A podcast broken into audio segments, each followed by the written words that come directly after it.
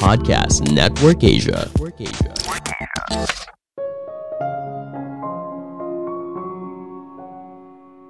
Produktif itu bukan artinya kamu harus bekerja dalam waktu yang panjang, yang penting hasilnya bagus.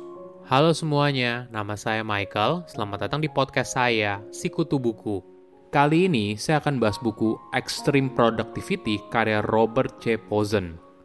Sebelum kita mulai, buat kalian yang mau support podcast ini agar terus berkarya, caranya gampang banget. Kalian cukup klik follow Dukungan kalian membantu banget supaya kita bisa rutin posting dan bersama-sama belajar di podcast ini.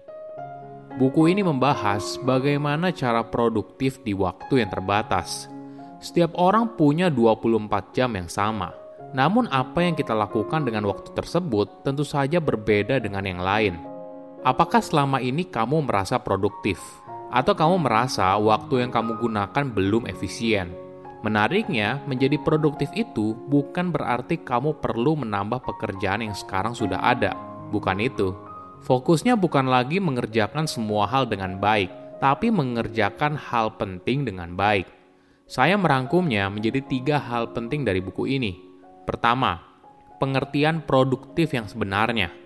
Jika bicara soal orang yang produktif, penulis boleh dibilang cocok dengan gambaran orang tersebut Penulis pernah menjadi eksekutif puncak dari manajemen investasi yang besar.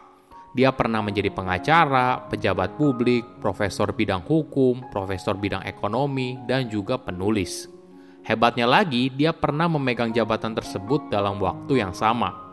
Dengan begitu banyak yang dikerjakan, penulis masih sempat menjadi kontributor dari Harvard Business Review. Oleh karena itu, cocok rasanya apabila penulis bicara soal produktivitas. Apakah kamu pernah merasa kewalahan atas semua alat yang katanya bisa membantu kamu untuk jadi produktif? Misalnya planner, organizer, dan sebagainya. Mungkin kamu membelinya dengan asumsi bisa membantu kamu untuk produktif. Namun yang luput diperhatikan itu hanyalah alat semata. Yang jauh lebih penting adalah bagaimana pendekatan kamu terhadap semua tugas tersebut. Di era digital, rentang perhatian kita lebih pendek dari sebelumnya Ditambah lagi, kita sering kali mengalami interupsi. Fokus mengerjakan satu hal hingga selesai itu rasanya sulit sekali. Bahkan ketika kamu mencoba untuk memberikan insentif kepada dirimu sendiri. Misalnya kamu bilang ke diri kamu, coba kerjain tugas ini sekarang, lalu kamu boleh nyemil gorengan. Tapi tentu saja kita tetap bisa nyemil gorengan tanpa peduli tugas itu udah selesai apa belum. Jadi, gimana caranya agar kita bisa membuat rencana, komitmen ngerjainnya, hingga akhirnya pekerjaan tersebut selesai? Mungkin cara terbaik dan paling sehat adalah belajar soal prioritas. Kamu bisa memulainya dengan membuat rencana. Coba bedakan rencana berdasarkan tipenya. Misalnya gini, merencanakan untuk rapat proyek minggu depan tentu saja berbeda dengan rencana perubahan karir kan? Penulis menyarankan kita membaginya menjadi tiga, yaitu aim, objektif, dan target. Aim itu sifatnya jangka panjang, sesuatu yang mungkin tidak terlihat sekarang namun menjadi jangkar untuk pertumbuhan ke depannya. Misalnya kamu ingin melebarkan sayap bisnis dan membuka cabang yang baru, atau kamu sedang mengembangkan hobi yang nantinya bisa jadi karir masa depan. Objektif sifatnya lebih pendek, bisa dalam hitungan bulan atau bahkan beberapa tahun ke depan Sedangkan target adalah tugas yang bisa kamu kerjakan saat ini juga. Target biasanya hanya butuh dua bulan atau kurang untuk diselesaikan.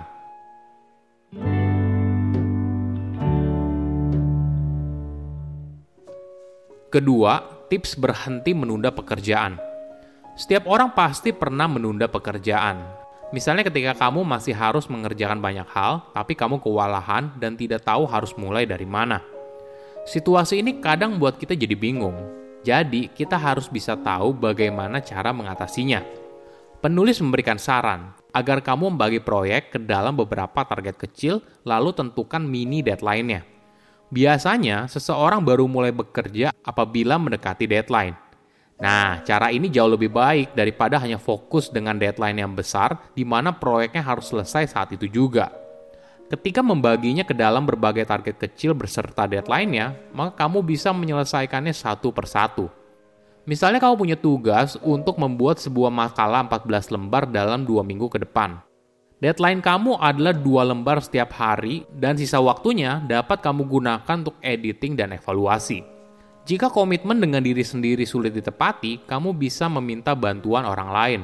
Misalnya kamu menjanjikan kepada atasan kalau kamu akan memberikan laporan selama dua minggu ke depan dan menginformasikan perkembangannya setiap hari.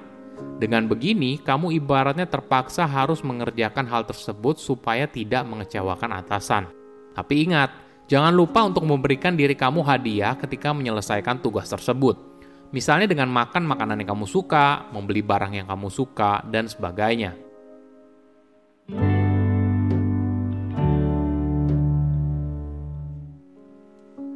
Ketiga, ukur dari kualitas bukan kuantitas.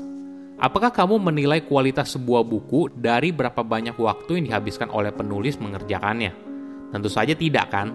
Yang paling penting tentunya adalah hasil akhir. Tidak peduli seberapa banyak waktu yang kamu habiskan untuk proyek tersebut, apabila akhirnya gagal, maka tetap saja hasilnya tidak memuaskan. Mungkin pola pikir ini yang harus kita ubah. Kita jangan menilai seorang karyawan yang kerja lembur sebagai karyawan teladan, dan karyawan yang pulang on time sebagai karyawan yang kurang baik.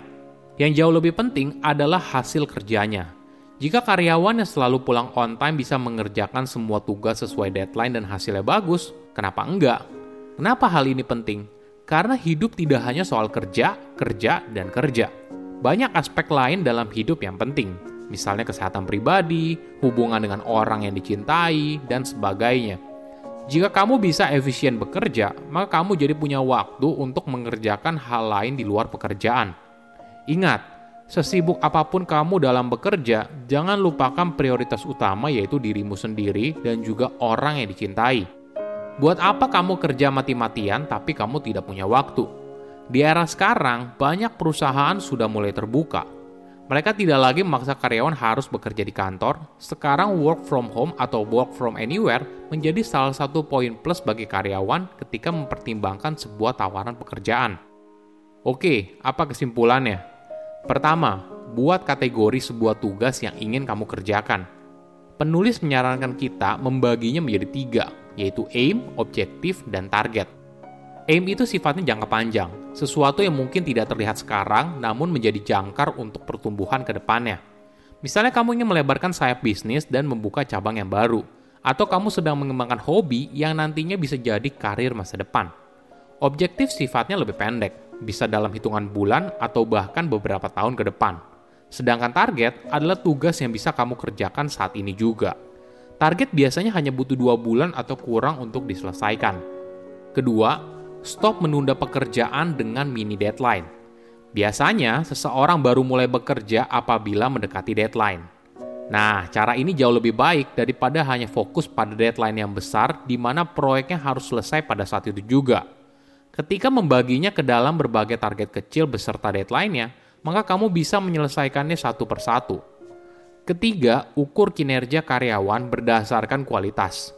Apakah kamu menilai kualitas sebuah buku dari berapa banyak waktu yang dihabiskan oleh penulis mengerjakannya? Tentu saja tidak kan? Yang paling penting tentunya adalah hasil akhir. Tidak peduli seberapa banyak waktu yang kamu habiskan untuk proyek tersebut, apabila akhirnya gagal, maka tetap saja hasilnya tidak memuaskan. Saya undur diri, jangan lupa follow podcast Sikutu Buku. Bye-bye.